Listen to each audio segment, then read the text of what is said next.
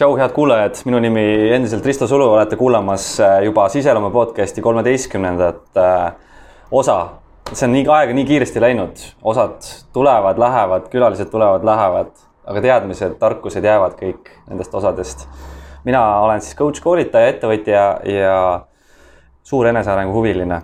täna mul külas äh, Mailis Kivistik, joogaõpetaja, joogatreener, Herbasenni, sellise huvitava toote looja ja ka ta taim, ta on ka taime- ja loodushuviline ja võib tema kohta öelda tegelikult enesearengu fanatik. Äh, me oleme temaga koos teinud kunagi Sisemina projekti, mis tähendas seda, et me tegime koos erinevaid koolitusi, tegime ka grupi coaching ut, äh, coach isime omavahel üksteist. Ja meist on väga head sõbrad-tuttavad saanud sellest ajast peale. Äh, tänane teema on, et kuidas elada loodusega kooskõlas tänapäeva ühiskonnas. ja saab olema päris põnev osa. tšau, Mai. tšau, tere kuulaja. nii ähm,, sa mäletad, kui me kunagi äh, tutvusime esimest korda? see on päris hea lugu taga tegelikult. saad sa sellest nagu lähemalt rääkida, mis me, mis toimus? no see on, see on huvitav näide sellest, kuidas loodus tühja kohta ei salli, nagu öeldakse, on ju. asjad voolavad ise kui nad peavad minema mingit rada. ehk siis äh, kunagi, äkki see oli siis kaks tuhat kuusteist lõpp, seitseteist algus, midagi sihukest äh,. tegime me Sisemina podcast, podcast'i jah Sisemina workshopi mm, -hmm. kõik on juba podcast'id üle ja just olime tolleaegse kaaslasega sealmaal, et lõpetada asi ära või siis ma peaks üksi edasi minema. aga sellel hetkel mulle ei tundunud, et see asi võiks nagu üksi edasi minna, sest see kahene kooslus toimis hästi just ruumi hoidmise eesmärgil ja kõige selle mõttes. ja, ja see viimane workshop, mis meil oli, siis sina sattusid sinna, eks ole, võime öelda juhuse tahtel, eks mm. -hmm. ja, ja kuidagi sealt äh, lõpus sa ütlesid, et sulle meeldis sa tahaksid äh, tasuta coach imise vastu anda, et nagu samamoodi tagasi ühiskonnale midagi head teha, onju mhm ja kui me siis seal coaching'u käigus vestlesime, siis tuligi välja see, et äh, mina ütlesin, et tegelikult see oligi viimane workshop ja sina ütlesid, oota, miks viimane, et äkki me võiks koos edasi teha. ja tegelikult, äh, kui see coach imine nii-öelda läbi sai, see oli mingi poolteist tundi, kaks tundi, on ju, siis selle lõpuks me juba leppisime kokku, et okei okay,, teeme siis edasi koos, on ju. ehk siis võib-olla kaks kokkupuudet meil oligi, on ju, ja me jõudsime juba koostööni. see käis hästi kiirelt, aga samas äh, tundus nii õige selles hetkes. ma mäletan, et selle coaching'u tulemusena sündis päris hea selline sisemine taipamine sinus, mäletad selle jooga kohta? jaa, see, ma olen seda nii palju meenutanud, see on äh, nii huvitav, sellepärast et sel, sellel hetkel ma mäletan, sa ütlesid, kui ma kirjutasin välja mingi kuus asja oli seal listis, et mit, mida mulle meeldib siis teha, on ju, jooga oli üks, siis seal oli oma mingi toode, siis seal oli mingi äpp mm, -hmm. seal oli veel neid asju. ja siis sa küsisid mult, et aga miks need ei võiks koos olla ja tol hetkel ma nagu ei pannud seda kokku, mõtlesin, okei okay,, et noh, hea mõte, aga nagu see oli lihtsalt mingi mõte kuskil. ja praeguseks hetkeks äh, seesama Herbasen, mis sai korra mainitud, ongi tegelikult ju jooga, fütoteraapia ja looduskosmeetika koosnus. just ehk see ei pea olema nii, et sa teed ühte asja siin nurgas, teist seal ja need on kõik eraldi asjad, vaid sa tegelikult teedki sümbioosi neist. ma taipasin seda praegusel hetkel, kui ma seda sinult alles küsisin, sest mul tuligi meelde, et see ongi täpselt need kõik asjad koos aga Eks ma ei olnudki selle peale vahepeal üldse mõelnud ja just praegusel hetkel, kui me siin istume maas, mul tuli meelde see. ja vau. see on vau, see on, see on tegelikult äh, ka mõnes mõttes mõttekoht kuulajale, on ju, et kui sulle tulevad elus mingid pakkumised või keegi kutsub sind kuskile jah, me oleme harjunud selle müügikultuuriga, on ju, et jälle mingi tasuta toote tutvustus või midagi sihukest, on ju, et kui ma nüüd lähen näiteks sinna coach imisele, et siis ta müüb mulle edasi mingi viieosalise paketi, on ju. et me nagu natuke kardame seda, aga kui sa sellest plokist lahti lased ja sa võtadki vastu kõik tegelikult, mis tuleb, sa saad ju alati ära öelda, aga lihtsalt võtta see aspekt, et ma ütlen jaa esimene asi on jaa, mis ma teen ja siis ma vaatan edasi, mis sellest kohtumisest tuleb. kui ma oleks sulle näiteks öelnud, et ei, mind ei huvita see coaching on ju, kus ma siis oleks, ma ei tea, on ju, või kus sina oleks ja võib-olla me ei suhtlekski, on ju. Mhm. tegelikult see, et võtta vastu kõik, mis tuleb, see on nii oluline. ja usaldada oma sisemist instinkti või seda esimest mõtet, mis mul oligi peas, et äh, mind triivis see tunne, et ma pean äh, justkui pakkuma teile, sinule coaching ut mingil põhjusel. ja selle coaching'u käigus ma küsisin välja selle küsimuse, et mis, mis oleks siis, et äh, kuulajad, hea küsimus, mis siis, kui mm? -hmm. mis siis, kui me, Mai, teeksime koos koolitusi edasi, sellepärast et mina olen hetkel äh, väga suur huviline. ma saaks väärtust pakkuda ja me saaksime koos midagi lahedat ära teha ja tegelikult me tegimegi ju väga ägedaid asju, Viljandis käisime seal ja. koolitusi andmas ja nagu väga põnev aeg oli. et ja julge minna sisetunde järgi. ja kõik see, mis me koos tegime, on ka minu praeguse hetke vundament, mille pealt ma saan edasi ehitada kõike seda, mida ma nagu praegu olen teinud. See on täie-, see oli täielik vundament minu enda jaoks. minu jaoks tegelikult ka, et äh, kuigi ma mäletan seda hetke, kui ma nüüd läksin joogatreeneri rada, eks et kuidas ma nüüd siseminast lahti lasen, et kuidagi nagu see hirm on ikka näha vahel alati, kui sa teed uue sammu, on ju, ja siis samamoodi, kui tuli see otsus, et lõpetame nüüd need koolitused ära, sest meie mõlema jaoks olid mingid uued väljakutsed, on ju. Aga et see lahtilaskmine oli selline natuke pikk ja lohisev ja siis nagu, et okei okay,, ma olen valmis minema oma uude rolli. ma ei tea, kuidas sinul oli see oli ka pikk ja lohisev, nagu mul elus ongi olnud, et minu enda eluõppetund on selline, et äh, okei okay,, alusta küll asju koos aga lõpuks jõuad välja oma unikaalsuse ainulaadsuseni, mis tähendab seda, et sa pead edasi jätkamagi üksi ja julgeda üksi jõuda edasi jätkata ja lahti lasta sellest äh, varasemast, mis on viinud siia praegusesse punkti mm. -hmm. Aga varasemalt toimis see lihtsalt nagu koostöö põhjal. nii et jah, lahtilaskmine on samuti üks oluline õppetund. aga Mai äh,, lähme nüüd äh, teema juurde, selles suhtes, kuidas sina jõudsid nüüd sinna jooga ja looduse maailmani üldse no joogamaailmas ma olen olnud tegelikult äh, väiksest peale, aga siis see tundus kõik nii naljakas, sest mu ema viis mu endaga kaasa laagritesse. Siis ma ei saanud üldse aru, miks me seal mingit nõgesesuppi sööme ja mis asjad need päiksetervitused on ja üleüldse see tundus kõik nii veider.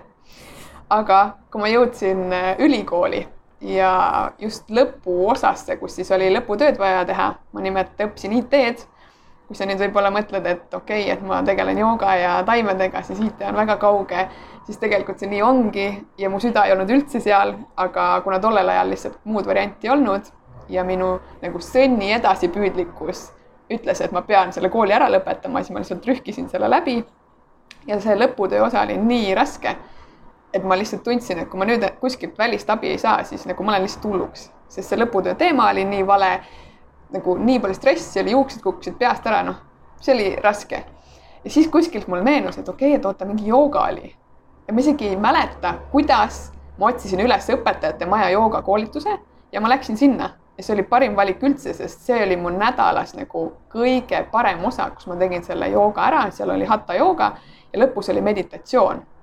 see oli nagu vaikus minus ja rahu ja siis sa tuled sealt uksest välja ja siis hakkab jälle see virvarr peale mm. -hmm. sa suudad seda nagu rohkem hoida ja handle ida, et sul ei ole seda paanikat enam, et oo, sa ei tea, mis saab ja sa ei viitsi ja kõik on nii mõttetu, onju et kuidagi see rahu tuli ja ma käisin vist kaks korda ära ja ma olin juba müüdud, et okei okay,, sellest ma nagu lahti ei lase. Ja, ja regulaarseks sai see peale kooli lõpetamist. ja siis joogatundide andmiseni ma jõudsin siis kuskil kaks tuhat seitseteist on ju, kus mhm. ma ka siis mõtlesin, et ei tea ikka, et mis ma seda joogat annan, et nii palju joogaõpetajaid on ja nüüd tagantjärgi paneb muigama küll, et jälle see hirm tuli sisse, on ju, et ah, uus asi, et parem ära üldse proovi, et siis nagu ei juhtu ka midagi, on ju. Mhm. et tegelikult äh, ma soovitan kõigil võtta ette need sammud, mis natukenegi sees kriibib, et ma tahaks natukene proovida, siis proovi, mis seal juhtuda saab. sama asi on taimedega näiteks taimed on mul ka tegelikult sisse natukene kodeeritud, sest mu vanaemad on mõlemad näpud mullas, ilusad aiad, kõik mis iganes, on ju, teavad väga palju taimedest. aga ka jälle alguses, kui ma lugesin näiteks sõnni horoskoopi, kui keegi teab, siis sõnni kohta on öeldud kogu aeg, et ta on kõige õnnelikum näpud mullas.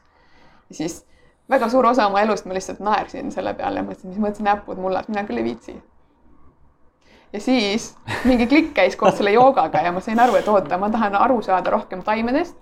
ma hakkasin lugema hästi palju taimede kohta, ma läksin ähm, holistilise fütoteraapia kooli, mida siis juhib Metsamoor Irje Karjus, võib-olla mõni on tuttav. ja nüüd äh, mu kaheaastane õpe saabki kohe juulis läbi. ja selle protsessi käigus ma olen nii palju targemaks saanud ja kindlasti saan veel, aga lihtsalt see nagu kogu see mõte, et miks elada loodusega kooskõlas ja miks ka see, see herbasenni tuli, ongi just see mõte, et kui sa vaatad õue, on ju, siis tegelikult meil on nii palju, mida me saaks äh, lihtsalt toiduks kasutada, ka raviks kasutada, aga inimene on nii palju kaugenenud loodusest, et ta ei tea seda enam. ja tegelikult ka vana-vanaemad on juba surnud, on ju vanaemad hakkavad vaikselt hääbuma, see generatsioon tegelikult äh, sureb välja, kes teadis hästi palju kogu sellest loodusest ja kuidas loodus toimib mm. -hmm. nüüd me oleme linnastunud, me natukene midagi teame kuskilt võib-olla, et ah, või lill on hea või nõges on hea, on ju, aga kõik muud asjad, meil on veiste südamerohud, meil on hiirekõrvad, kõik nagu väga lihtsalt ka umbrohud, mis on tegelikult meil organismi toetavad, on ju, aga me ei, me ei viitsi seda uurida sest see on raske, on ju, palju lihtsam on minna poodi, võtta mingi kapsel, süüa see sisse ja vaadata, et okei okay,, nüüd mul on hea olla, on ju. Mhm. jah, see kindlasti ka toimib ja aitab, aga samas miks me seda teeme, kui me saaks, eriti veel, kui meil on näiteks Sauel maja, Nõmmel maja, kus iganes natuke linnast väljaspool on ju, meil on oma aed, selle asemel, et seda muru kogu aeg niita või panna sinna igasuguseid kahjuri tõrve, tõrjevahendeid peale, on ju, võiks korjata ennem omale asjad ära, noh, isegi ju äh, ma ei tea, kortsleht, teeleht, kõik see on tegelikult söögiks, onju. aga inimene niidab selle maha, viskab minema ja siis kirub, et oh, seda on nii palju, onju. Mm. ja tegelikult, kui sa oled kuskil ja sul on aed, siis sa peaksid väga hoolega vaatama, mis taimed sul ukse ees kasvavad. sest need taimed, mis seal kasvavad, on konkreetselt sinu enda organismiga seotud mm. -hmm. sul on mingi viga kuskil on ju, võib-olla kuskilt valutab, võib-olla on mingi tõsisem asi, aga see taim tuleb tegelikult sind õpetama, et kasuta seda kas siis äh, toidu sisse või tinktuurina või teena, mis iganes sobib, on ju. aga tegelikult kõik loodus meie ümber äh, toetab meid. on sellist asja üldse olemas nagu umbrohi, kui inimesed ütlevad umbrohi? tegelikult ei ole. see on, kõik on söödav hmm.. igal, igal väiksel rohuliblel on tegelikult otstarve. ja isegi kui noh, internetis guugeldades on muidugi keeruline, on ju, et, et kui sa näiteks lähed karulauku korjama, siis kui sa ei tea, milline on karulauk, siis sind hirmutatakse ära sellega, et oota, sa võid minna hoopis piibelehte korjama, piibeleht on mürgine, ära jumala eest mine, on ju. noh, lisaks sellele, et tegelikult karulauk on ka looduskaitsel, on ju, et seda edasi müüa ei tohi, aga enda jaoks kasutada tohib, siis natukene võiks olla seda huvi rohkem uurida, katsetada, on ju, et noh, tegelikult ju kui sa karulaugu võtad, tal on ju küüslaugu lõhn, on ju, kui sa piibelehe võtad, tal ei ole seda. et see hirm, mis nagu peale pannakse väliskeskkonna poolt, on ka natukene ajuvaba, on ju okei okay,, aga lähme selle hirmu teemaga võib-olla sügavamaks, et äh, kust see hirmu teema üleüldse on tulnud, et me kardame. okei okay,, esiteks me oleme kaotanud, on ju, loodusega kontakti, nagu sa ütlesid, on ju. meil puuduvad ilmselt teadmised, mis mida teeb, aga kust see hirm on nüüd tulnud peale sinna veel, kelle poolt ja kuidas? no võiks siin, siin võib väga sügavale minna kogu selle farmaatsia teema peale ja, ja meedia peale on ju, et, et kõik ju looduses on tasuta, eks. et sa võtad enda pere jaoks ja siis sinna kasvab juurde, on ju, see kunagi ei teki seda, et kõik saab otsa hmm.. aga kui sa lähed äh, ja, ja lähedki seda rada, et sa hakkadki korjama ja ainult loodusest võtad, siis sa ei osta enam poest ju. ja siis kõik firmad ju kannatavad, on ju, ja siis me jõuame sinna, et sa äkki saad tervemaks. ja siis ei ole enam nagu arstidel mõtet, et see, see on tegelikult nagu väga sügav teema. aga lihtsalt võiks natuke pöörata rohkem tähelepanu, kuidas sa saad ennast toetada nii et selles mõttes võib olla ka siis nagu loodusega kontaktis elamine ja teadmine justkui nagu küllus või külluse mõtteviis, et sul nagu midagi ei saa sealt otsa. sa tead, et sa võtad sealt, aga et alati sinna tuleb tagasi. jah, noh, seal loomulikult tuleb ise ka tänulik olla, onju, kui sa lähed metsa või mm. aasa peale kuskile, et sa julmalt ei tõmba juurtega välja ja siis ei jää sinna auku, onju, et sa vaikselt võtad ja oled tänulik ja siis sa tegelikult, kui sa lähed tänutundest, sa leiad ka palju rohkem näiteks sügisel võib proovida metsa minna seenele, onju. kui sa lähed tänutundes metsa seenele, sa leiad nii palju seeni, et ise ka ei usu. kui sa lähed sinna kinnisideega, et mul on nüüd vaja, onju, andke mulle, siis tegelikult sa ei leia väga midagi. see on päris hea metafoor elu üleüldiselt, et kui sa nagu lähened asjadele tänutundega ja suudad lahti lasta sellest äh, eesmärgist või sellest lõpptulemusest, see tuleb sageli sinuni ootamatutel viisidel. jah, nagu metsaski seenad, onju. et ole ainult valmis vastu võtma hmm,. see on päris hea metafoor praegu. aga võib-olla saad vähemalt rääkida nagu äh, sellest enda sellisest ähm, kogemusest, kuidas sa nagu jõudsid sellele nagu loodusega kontaktini ja mingeid häid näiteid võib-olla enda elust tuua ja kuhu see on sind välja, välja viinud praegu? no minu kõige parem näide võib-olla on see, et kaks tuhat kuusteist mul diagnoositi kilpnäärme ületalitus. ja siis öeldi kohe, et noh, paneme rohud peale, et mis siin ikka.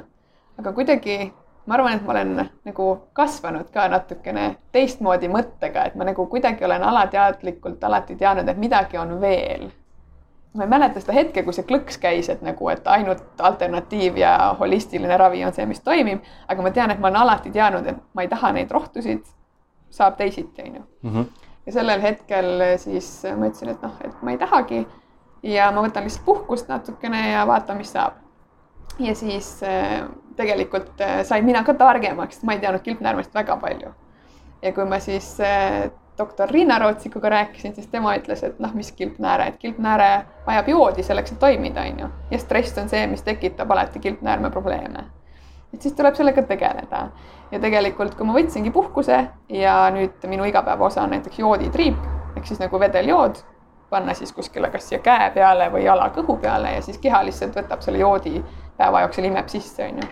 et muidugi hea oleks ta saata kalast või kuskilt sellisest kohast, aga kala on jällegi ju raskmetalle täis ja muud jama täis, et, et see on hästi keeruline. samas taimedest saab ka, onju.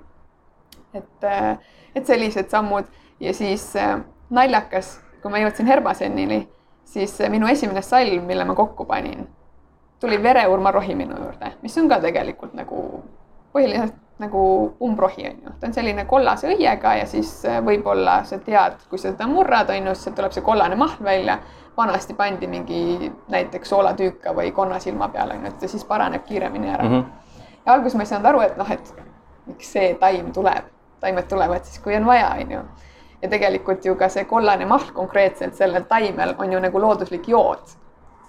ehk siis kõik on seoses ja kui seda salvi nüüd kasutada, siis ta ka toetab äh, immuunsüsteemi, on ju.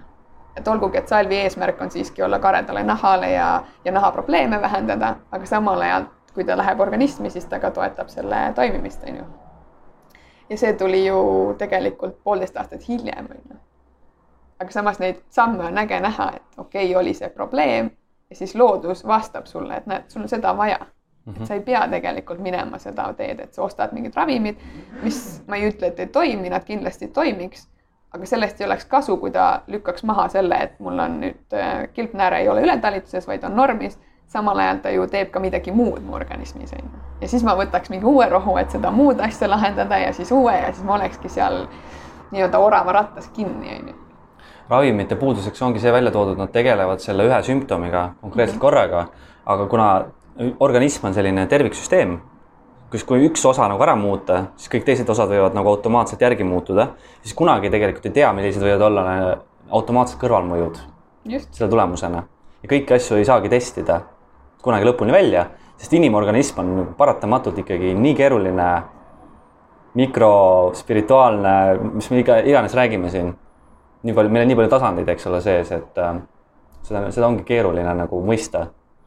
Seda on väga keeruline mõista ja noh, siin on ju ka inimesed, kes tegelikult äh, räägivad lihtsalt ümberprogrammeerimisest. et sa oma mõttega programmeerid oma keha ümber, on ju, et sul ei olegi vaja ei taimi, ei tablette ega mitte midagi, et sa lihtsalt oma mõttetööga teed nii tugevalt ära, et sa paned oma puusaedjapõlved uuesti liikuma, on ju. noh, see võtab aega, aga toimib millised harjumused või praktikad on aidanud sind kõige paremini nüüd iseenda ja loodusega kooskõlla saada? igapäevaselt, mida sa võib-olla siiamaanigi teed? no mina olen näiteks toidulauale mm, mõningaid muudatusi juurde toonud. siin on võib-olla jälle huvitav välja tuua see, et ähm, kuidas nagu holistiline taimeravi inimest üldse vaatab. et tegelikult äh, jagatakse inimesed nelja gruppi elementide järgi on ju, on maa, tuli, õhk ja vesi mm. -hmm. ja siin sa peaksid nüüd teadma, mis tähtkuju sa oled, on ju, et kuna mina olen sõnn ja mina olen maaelement, siis mulle kõige paremini mõjubki see, kui ma söön sisse midagi. Teised asjad mõjuvad ka, ma võin lasta tossu või, mm, või siis tuleelemendile tinktuuri võtta sisse, aga ta ei toimi nii hästi. et kõik, mis ma söön sisse või ka teega joon, see ravib mind. samal ajal, kui me võtame näiteks jäära, kes on tuleelement, mis on tihti ka see, et kui inimene on haige siis öeldakse, et joo palju teed, onju. aga kui sul tuleelement ja sa paned nagu tulele vett peale kogu aeg mm, -hmm. siis mis saab sellest tulest? kustub ära. No täpselt, ehk siis tegelikult tuleelement ei tohiks juua nii palju teed, vaid tema peaks võtma tinktuuri. ehk siis alkoholi baasil või õunaäädika baasil on ju, et hoida seda tuld töös, sest kui sa endal tule ära kustutad sees, siis sa ju jääd veel haigemaks on ju mm. -hmm. et see on nagu huvitav, kuidas läheneda kõigepealt on ju, et jagada ära ja siis, kuna mina olengi maaelement, siis mina hästi palju panen oma smuutidesse näiteks rohejahusid. rohejahu on, kõlab peenelt nagu midagi väga keerulist, mida poest peaks ostma, on ju, saab ka poest, näiteks nõgesest tehakse mm,. naadist on vist ka.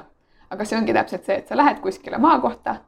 enne kui sa muru ära niidad, sa korjad kõik need nõgesed kokku, kõik need naadid kokku, kõik teelehed, mis iganes sa leiad mm. -hmm. sa paned need kuivama, kuivatad nad ära täiesti siukseks krõbedaks ja siis, kui sul on näiteks see kohviveski, aga võib ka lihtsalt näpu vahelt purustad kõik ära, siis paned purki ja siis iga kord paned ühe lusika näiteks sinna smuuti hulka, paned supi sisse, paned äh, salati peale, kuhu iganes, aga sa saad sealt kätte need ained hmm,. natuke huvitav see oli maaelemendi puhul on ju, sa rääkisid ka natuke tuleelemendist, aga nüüd see õhk ja vesi, saad sa neile ka jagada soovitused? ja, e, veeelemendil on selles mõttes vedanud, et kõik taimeteed lähevad väga hästi, on ju.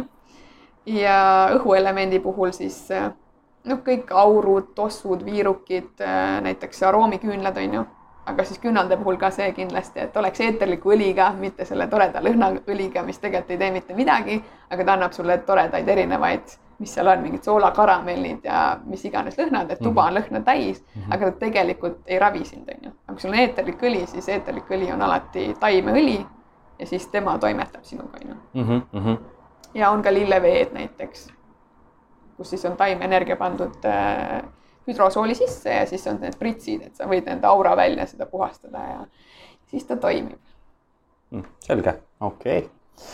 aga liigume vaikselt edasi Herbaseni juurde ja sa tahtsid pikemalt rääkida sellest Hervaseni kontseptsioonist, sest noh, müts maha sinu ees, sa oled selle Hervaseni tootega nüüd väga palju asju integreerinud kokku iseendas.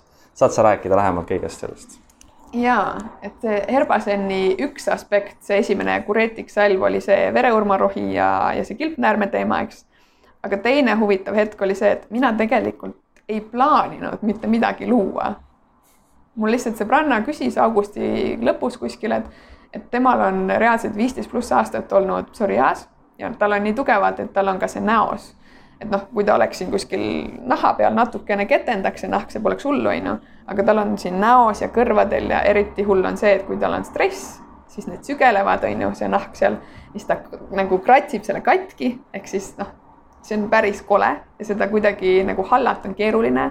talle mõjub päike, onju noh, aga siis sa pead minema solaariumisse või reisile, aga kuna praegu on ka piirangud on ju, no kuhu sa siis lähed, eks mm. -hmm. ja siis ma mõtlesin, et okei okay,, et ma panen siis midagi kokku, vaatan, kuidas ja mida siis toimib. Ja kuidagi jälle tuli see vereormarohi teemaks, sest tegelikult tõesti ta on väga hea abimees.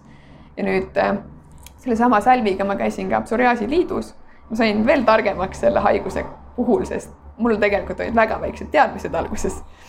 Ja nemad valgustasid mind, et nemad on kasutanud ka ainult seda taimegi naha peale määrida ja siis päikse käes olla ja siis need nagu, kui on täiesti hull haigus, siis nad on kratsinud kõik nagu verele, ehk siin on nagu kärnad peal kehal, on ju. et panevad sinna selle mahla peale taimest, siis on päikse käes, siis see koorik nagu kuidagi kuivab lahti ja kukub ära ja see nahk jääb all ilus, on ju. Mm. aga see on kõik nagu eraldi teema aga paningi selle salvi kokku ja andsin talle proovida ja reaalselt pooleteise nädalaga need suured nagu augud olid kadunud, jah, nahk oli punane, sest tegelikult psoriaas ikkagi on, on ju sisekeskkonna teema, kuidas sa toitud ja kõik see on ju, aga lihtsalt väliselt see salv ikkagi ongi selle mõttega, et ta leevendaks, et ükskõik, mis sul on naha peal, on ju võib-olla sa ei viitsi, ei oska, ei taha saada aru, kuidas siis peaks nagu seedekliimat muutma või, või mida võib-olla oma toidutaldrikul muutma, aga vähemalt sul on see nagu looduslik vahend, et sa saad leevendada, et sa ei pea mingeid julmasid salve või ravimeid endale võtma, onju. ja sealt hakkaski minema, edasi tuli. Noh, jällegi ilmselt need tegelikult kõik taimed, mis sinna purkidesse saavad, on minuga konkreetselt seotud, onju, sest mina nad loon. siis järgmine toode oligi kehakooria, mis siis tuli raudrohuga. Ja seda ma ka lihtsalt teadsin, et äh, raudrohi, sellepärast et kui ma vaatasin eelmine aasta raudrohtu, siis ta kasvab nii suvalistes kohtades, võib-olla oled ka märganud näiteks, sõidad, pargid kuskile bensiinijaama ja siis kuskil kivi alt tuleb see raudrohi on ju, ta on niisugune valge õiega ja ta juured on tugevad, ehk siis ta suudab nagu igalt poolt läbi murda. ja, ja ilmselt sellel hetkel, kui ma selle kokku panin, siis minu elus oli ka periood, kus ma nagu ise pidin olema selline hästi otsusekindel ja minema seda kindlat rada, et teha mingeid muutuseid elus, on ju. -hmm. ja siis sinna purkida jõudes inimestele meeldib ka, et selles mõttes on tore. ja siis tegelikult nüüdseks on kolm toodet väljas, mis on ka päris äge öelda, sest ma ju alles sügisel alustasin, on ju. Ja siis kolmas toode on ka selline näomääre ikkagi, kuna mina ei taha minna veebaasile, siis ta on õli baasil see on võib-olla natuke spetsiifiline teema, aga tihti, kui on vesi näiteks kreemides, näokreemid on ju, mis on hästi populaarsed, siis vesi pigem tekitab seda, et ta võib kuivatada nahka, selle asemel, et ta tegelikult niisutab. kui sul on õlid ja vahad, siis õli jätab selle niiskuse kõik sulle naha sisse ja sa saad sügavalt niisutatud, on ju. ahah, nüüd olen ka targem selle koha pealt. noh, mõnele lihtsalt on see, et kui sa paned selle salvi peale, siis on natukene nagu õline, on ju, või see võtab rohkem aega, et ta sisse imendub siis osadele ei meeldi see on ju, et tahaks, et kohe oleks sisse imendunud ja kohe oleks nagu võimalik uksest välja minna. kas nende salvide puhul on nagu võimalik eristada inim, inimtüüpe, justkui me ennem rääkisime nendest elementidest? no salvide puhul niimoodi ei saa, sellepärast et noh, kui sa ikkagi pead sisse võtma näiteks tuleelemendina tinktuuri, siis noh, salvi sa ei saa kuidagi sisse võtta aga, aga see ongi jälle see, et meis kõigis tegelikult on osake igast elemendist, lihtsalt meie tähtkuju järgi tuleb see, et kes me siis kõige rohkem oleme mm. -hmm. nii, sa taimi kasutad, eks ole, sa tegid ju oma toote Herbasenni mm, -hmm. põhimõtteliselt salvid on ju, nagu ma õigesti aru saan. mida sa ise veel nagu mm, järgid, et, et sa oleksid hea tervise juures ja loodusega kooskõlas? no tegelikult siit äh, Herbaseni mõttes edasi, et noh, üks osa on jah, tooted on ju mm. -hmm aga teine osa on samamoodi on liikumine ehk siis joogapraktikad, hingamispraktikad, see ei pea isegi ainult jooga olema, ükskõik mis liikumine, et ärgitada inimesi ka liikuma, sest tegelikult ma arvan, et paljud teavad, et toitumine on ainult kakskümmend protsenti, on ju, kaheksakümmend protsenti on ikkagi see, kuidas sa liigud ja mida sa teed, on ju.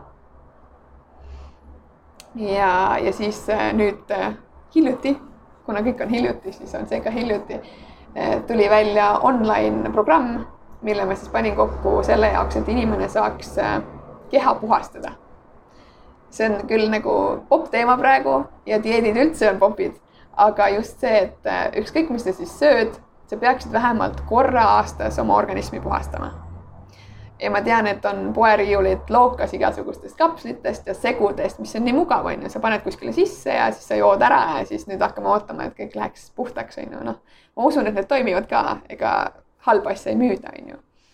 aga minu mõte oli pigem see, et panna siis nüüd see kogu teadmine, mis mul on nagu kompaktselt kokku, ilma et inimene peaks midagi tellima. ehk siis selle, ehm, selle programmi mõte on siis, et seitse päeva. See on nagu smuutide baasil ehk siis eh, keha ei jää toitainete vaegusesse. aga need smuutid omamoodi toovad loovuse esile ehk siis ta nimi on Chakra dieet ei ole siin midagi seotud Igor Mangiga ega mitte millegi sellisega. Chakra dieedi mõte on just see, et sa puhastad organismi läbi oma energiakeskuste, värviteraapia, jooga ja hingamispraktikate. ehk siis iga päev on üks värv. Kui me võtame, esimene päev on punane, on ju, juurtšakra, siis äh, sinu smuutid kõik peavad olema punased. ise valid, kas see on magus smuuti või see on nagu selline külm supp, on ju võid teha mingi tomatiga kuidagi blenderdada, mis iganes sulle meeldib kokku mm. -hmm. aga terve päeva sa jood ainult seda, mitte midagi muud sa ei tarbi. vett võid juua, teed võid juua, aga nagu söögi mõttes midagi muud ei tarbi. samamoodi teed joogapraktikaid, mis siis on ka kõik pandud kokku just sellele juurtšakrale, hingamispraktikad samamoodi. ja siis sinna juurde olenevalt siis, mis element sa oled, on ju, kas siis mingit äh, lillevett või mingit äh, teed või mingit tinktuuri, on ju ja nädala lõpuks siis noh, kolmas-neljas päev on ilmselt kõige raskemad, sest kui sa ikkagi terved päevad ainult vedelikku tarbid, siis sa tahad närida. hästi tihti on see, et tahaks nagu midagi hammustada, aga kui sa selle üle elad, siis noh, edasi on juba lihtne. Ja samal ajal, kui sa nädala lõppu jõuad, siis sa saad endast nii palju rohkem aru. et kui me räägime kehapuhastustest, siis enamus on lihtsalt see, et puhastame oma soolestiku ära, on ju, kõik toksiinid välja, that's it, on ju. aga siin, kui sa seda teed lisaks sellele, et sa ei pea midagi juurde ostma, on see, et su energia ka puhastub. see on täiesti uskumatu, kuidas mingid inimesed võtavad ühendust, mingid asjad juhtuvad. Siis on ka see, et alati on mõistlik nagu üles kirjutada iga päeva kohta, mida sa tunned, mis muutub, et siis nädala lõpuks, kui sa saad nagu uuesti minna tavarutiini, siis need emotsioonid on nagu eemale pandud ja saad läbi vaadata, mis siis tegelikult on muutunud, on ju sest muidu sa unustad ära, mis kõik toimunud vahepeal yeah., aga väga suur puhastus on toimunud ka emotsionaalsel tasandil. kindlasti ja selle võti ongi see, et su keha siis ei pea tegelema seedetööga väga palju, on ju, et kõik tuleb vedelal kujul, väga lihtne on seda läbi keha lasta. Ja siis lõpuks ongi selline organismi puhastus tehtud. nii kui, nii kui keha ei pea enam seedimisega tegelema, võtab automaatselt ettegi need kõige suuremad probleemid, mis sul on olemas teistes kehades. täpselt ja puhastab need ära. mulle meeldis eriti selle dieedi puhul praegu see, et sul on nii spetsialiseeritud nagu toidud, tšakra kaupa mm -hmm. ja mm, spetsiaalsed praktikad veel nende jaoks. Et see on ülikihvt, kuidas sa oled kokku pannud selle programmi minu meelest väga lahe, mulle endale ka meeldib, ma esimest korda tegin ta ise läbi kevadel või? jah, nüüd eelmine kevad. ja siis ma hakkasin mõtlema, et nagu hakkaks ta nüüd nagu suuremaks tegema ja paneks ta nüüd online'i on ju ja sellepärast ka, kui mult küsitakse, et kuidas see koroonaaeg näiteks läks, siis mina alati ütlen väga hästi läks, sest ma sain nii palju asju tehtud. ma ei kujuta ette, kui ma oleks pidanud seda lindistama ja, ja nagu veel kuskil ära käima vahepeal, see oleks nii palju pikem protsess, kui praegu nagu ma võtsin selle aja, keegi ei tüütanud, sai selle lõpuks ära lindistatud ja lihtsalt natuke juba selle vahega, et oleks võinud nagu kevade alguses tulla see välja, et kevadel on see, kus inimesed nagu mm -hmm. on valmis rohkem sellega tegelema, et suvel nagu väga ei taheta. aga samas mina tegelikult soovitan väga just eh, kaks korda aastas peale jaanipäeva ja peale jõule, sest need on need ajad, kus inimesed ju söövad ennast täiesti lolliks.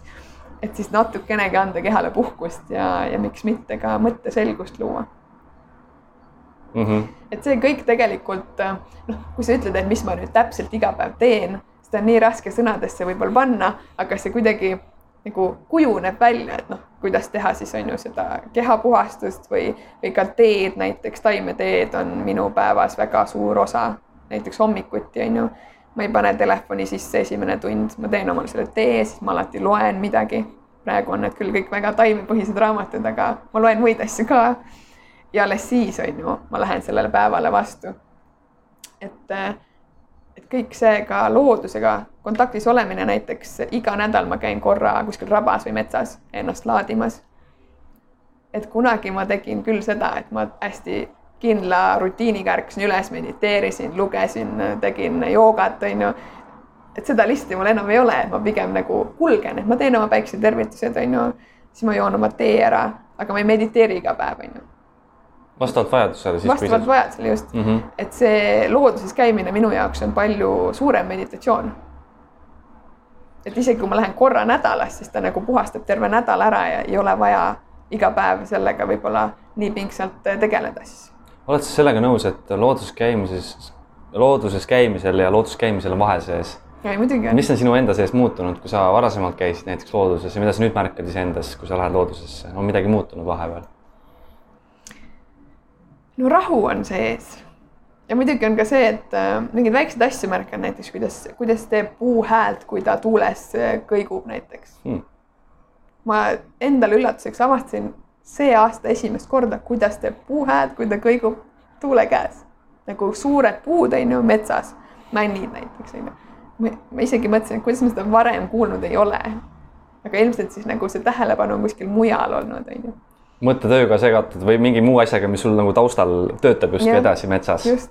sellepärast ma seda küsisingi, sest ma näiteks ma ise esimest korda see aasta hakkasin alles linnu häält või linnulaulu eristama ja kuulama.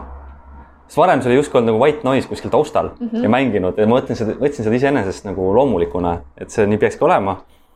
nüüd ma suudan süveneda ja eristada juba linnulaulu ja vau wow,, see annab nagu täiesti teistsuguse feeling'u, kui metsas oled et sa oled justkui nagu sellise sümfoonia keskel kuskil. kuulad loodussümfooniat. Fred Jüssi räägib sellest. Fred Jüssi räägib. üks äge mees on veel, on Valdur Mikita, tema raamatud mm. on hästi põnevad. Et mõnele võib-olla tundub nagu igav lugemine, aga kui sa nagu lähed sinna sisse, siis tema tunneb ka väga suurt muret selle pärast, et äh, meie side loodusega on, on ju kadunud ja, ja mis nüüd edasi üldse saab, on ju, et tal on hästi-hästi mitu teost. Mis saab nüüd edasi, ma esitan sulle selle küsimuse, mis me saame teha omalt poolt, et saada paremasse kontakti loodusega, kooskõlla tagasi? no me saame palju ära teha, aga siin on jällegi teiselt poolt see küsimus, et, et kas on seda tahet ära teha. noh, inimesel peab ikkagi endal olema see tahe, on ju, aga me saame alustada ka näiteks oma tarbimiskäitumist üle vaadates. noh, kasvõi näiteks, kui me räägime loodusest, siis just käisime nädalavahetusel Valgejärve matkarajal ja siis kõik oli nii ilus ja siis ühel hetkel sa vaatad, mingi salatikarp on põõsas. et nagu, kes tuleb selle peale, et ta viskab selle salatikarbi keset ilusat loodust, on ju. Kui raske on sul see võtta kaasa ja kuskile mujale panna või veel parem, võta kodust oma karp, on ju, ja siis sa ei peagi seda ära viskama mm. -hmm. et kõik need väiksed asjad või mingid äh, korduvkasutatavad kohvitopsid, on ju näiteks ka Herbaseni toodete puhul võimalikult palju klaasi, et ta on tume klaas, sa saad seda uuesti kasutada, ei ole see, et ma viskan selle kohe minema ja siis prügi ainult kasvab, on ju, võib-olla ta ei lagunegi kuskil ära, on ju. Et see tarbija käitumine just on see põhikoht, mida me saame teha ära. Ja sellest ju tegelikult, kui me siin kodus kõik olime, siis oli ju näha, kuidas Veneetsia kanalid läksid puhtaks ja loodus hakkas nagu uuesti elama, on ju. et see on ju kõik inimese tehtud, et, et mis mis praegu toimub, et on metsatulekahjud ja mingid linnud ja loomad surevad täiesti välja, on ju, et tegelikult see on ju meie kõigi kätetöö, see ei ole see, et keegi kuskil otsustas ja tegi, on ju. me kõik panustame sellesse mingil määral mm. -hmm. et alustada ikkagi iseenda tarbijakäitumise ülevaatamisest ja siis sealt edasi minna. aga näiteks inimesed, kes sinult tellivad tooteid, kas nad telli-, saavadki selle nii-öelda klaaspurgis mm -hmm. ja nüüd, kui saavad selle klaaspurgi sulle justkui tagasi siis saata või ja uue salvi või? no päris tagasi saata ei saa, aga kui on kuskil messid ja laadad, siis nad saavad tagasi tuua küll mm.. et muidu, kui see peaks, see on võib-olla natuke tulevikusamm, et saaks nagu päriselt tagasi ka saata. Et praegu meil veel päris niisugust poodi otseselt ei ole, et pigem on edasimüüjad ja mm, -hmm. ja mina ise, et siis, aga tulevikus kindlasti, et see on täpselt see, miks ma ka olen alati rõhunud, et natukene nagu sisemine konflikt on olnud, et kui ma näiteks vaatan mõnel laadal või poes üldse, et inimesed panevad ju selle purgi mingi kastikese sisse, siis on seal mingi lehvikene ümber, onju, siis on sul veel mingi kilekott, siis mhm. sul on veel seal mingid äh, flaierid sees, onju. siis nagu mõtled, et noh, ma ei saa seda teha, sest ma ju tean, et ta viskab selle kohe minema. milleks tal on seda üldse vaja, et siis ongi see, et kui on otsemüük, siis mul on alati ainult klaaspurk. jah, seal on see kleeps peal, mis ütleb, mis seal sees on aga ma ei näe vajadust, et tal peaks mingi pakend olema. et seda võiks ka vaadata näiteks hambapastadega on sama teema minu meelest või mingid toidulisandid, et miks sul on seda lisakarpi vaja, kui see pakend juba on ju kinni, ta on õhukindel. sul ei ole vaja seda karpi, aga ometi pannakse sinna ümber, on ju. Et, et need kohad on ka jälle see, et, et kuhu sina näiteks paned oma raha, mis brändi sa toetad, on ju mm. -hmm. et kuidas tema käitub selle äh, tootega või, või mis tema sinna sisse üldse paneb, on ju see on ka tarbija käitumine. nii et kõik see muu, mis on nii-öelda seal pakendi ümber, on justkui selline mull, mida ei ole üldse vaja, et see on liigne kulutamine. see on liigne kulutamine, aga samas on jälle see, et meile meeldib silmadega süüa, on ju. ehk siis see on täpselt see, et kui sa hakkad midagi tegema, et kuidas sa siis tahad, et kes su klient on, on ju, et kas ta on see, kes nagu tahab seda sädelust ja glamuuri sinna ümber või talle meeldib see ka nagu lihtsam variant, on ju et see on täpselt äh, küsimuse koht, et tuleb otsustada, on ju. kumb, see on, aga ma küsin niipidi, kumb oli enne justkui kana või muna, et kui kas enne loodi need äh, pakendid väga tarkade turundajate poolt maailmas ja, ja sisestati meie alateadvusesse või oli vastupidi, et inimesed ise tahtsid seda ja siis tehti see valmis? mis sa arvad? No ma miskipärast arvan, et, äh, et pakend oli enne nagu mul on ka selline tunne, et pakend oli enne et see ei ole nagu miski, mida me oleksime vajanud just nagu no just. see on loodud. ja nüüd inimesed on sellega nii ära harjunud. ja justkui võtame iseenesestmõistetavalt, et nagu me ei saagi aru või isegi ei mõista, ei teadvusta, et võiks olla teistmoodi mm. -hmm. kuna nii on juba. või kui on natuke teistmoodi, siis on nagu veider, et miks sul nii on. nagu tekib see küsimus tarbijale onju, peaks teistmoodi olema, ma olen harjunud ju teistmoodi mm. -hmm. nii on äh,. enamik meie kuulajaid, nagu mina isegi, elame betoondžunglis põhimõtteliselt igapäevaselt linnas on ju, Tallinn või ükstapuha mis linn Eestis, et äh, mida me saame siin linnas teha igapäevaselt, elada natuke rohkem äh, loodusega kooskõlas? no sõita rattaga. okei okay. auto asemel on ju mm, -hmm. või siis eelistada ühistransporti. Aga praegusel ajal ka, kui suvi juba on olemas, on ju, meil ilmad on päris head, siis võib ju ka jalutada, on ju. Et sellest aspektist saaks väga palju tegelikult vähendada. Minu meelest jalutamine on nagu selline asi, mis, mida tõesti väga paljud Eesti inimesed avastasid koroonaperioodil. et see justkui oli jällegi iseenesestmõistetav ja olemas varasemalt, sellele ei pööratud nii palju tähelepanu, aga nüüd, kui muid võimalusi ei olnud, siis inimesed hakkasid nautima jalutamist, pöörama sellele rohkem tähelepanu. see oli täitsa veider, et äh, lähed metsa, ma veel valisin ka mingi siukse nagu natukene kaugema metsa ja siis ka me kõndisime nagu võsas, mitte mööda teed ja siis ka tulid inimesed vastu koroona ajal, siis nagu mõtled, no täitsa lõpp, et nagu mis toimub. mõtled küll, et peaks kodus olema eraldi, aga ei, kõik olid metsas kuskil. et selles eestlased vahetasid äh, klubi põranda vastu, rabapõranda vastu välja kuskil võsas. Ja nii ongi, me oleme ju lood-, kas eestlased on siis loodusrahvas? kindlasti on mm. -hmm.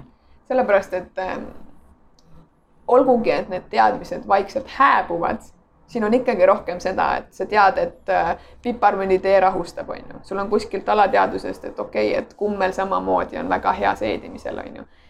et see ei ole täiesti kadunud, sest kui me vaatame näiteks muud Euroopat, noh, siis seal ei ole väga palju seda, et teeme ise looduskosmeetika oma metsas või aias kasvavast kraamist, on ju.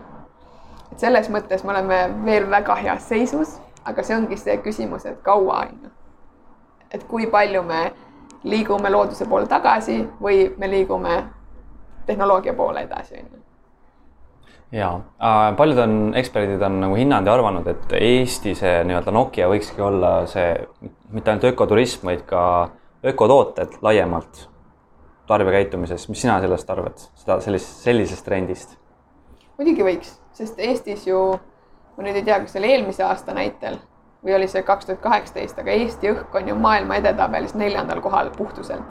ja kujuta siis nüüd ette, et sul kasvavad siin kõik taimed on ju, mida sa oma toodetes kasutad mm. -hmm. see juba peaks näitama, et kui kvaliteetsed nad on, eks. et kindlasti võiks olla ökotooted Eesti nagu nii-öelda üks brändi osa siis mm. -hmm. ja äh, mis sa arvad, on ka võimalik seda tehnoloogiat kuidagi sellega loodusega nüüd kooskõlla viia? on selline nii-öelda põimumine ka kuidagi võimalik või on need ikkagi kaks erandit, mis lähevad nagu äh, oma teed mõlemad? kusjuures see on äh, huvitav küsimus, sest võib-olla paar nädalat tagasi ma oleks mõelnud, et need on eraldi teed. aga üks neiu võttis minuga ühendust, kes tegi siis lõputööd, magistritööd teemal, kuidas siis kosmeetika ja tehnoloogia nagu omavahel ühendada ja see oli nagu alguses tundus mulle natuke naljakas, aga kui ma pärast ta nagu sajalehelist magistritööd lugesin, siis ma nagu vaatasin, et oo, siin tegelikult võiks jumet olla, onju.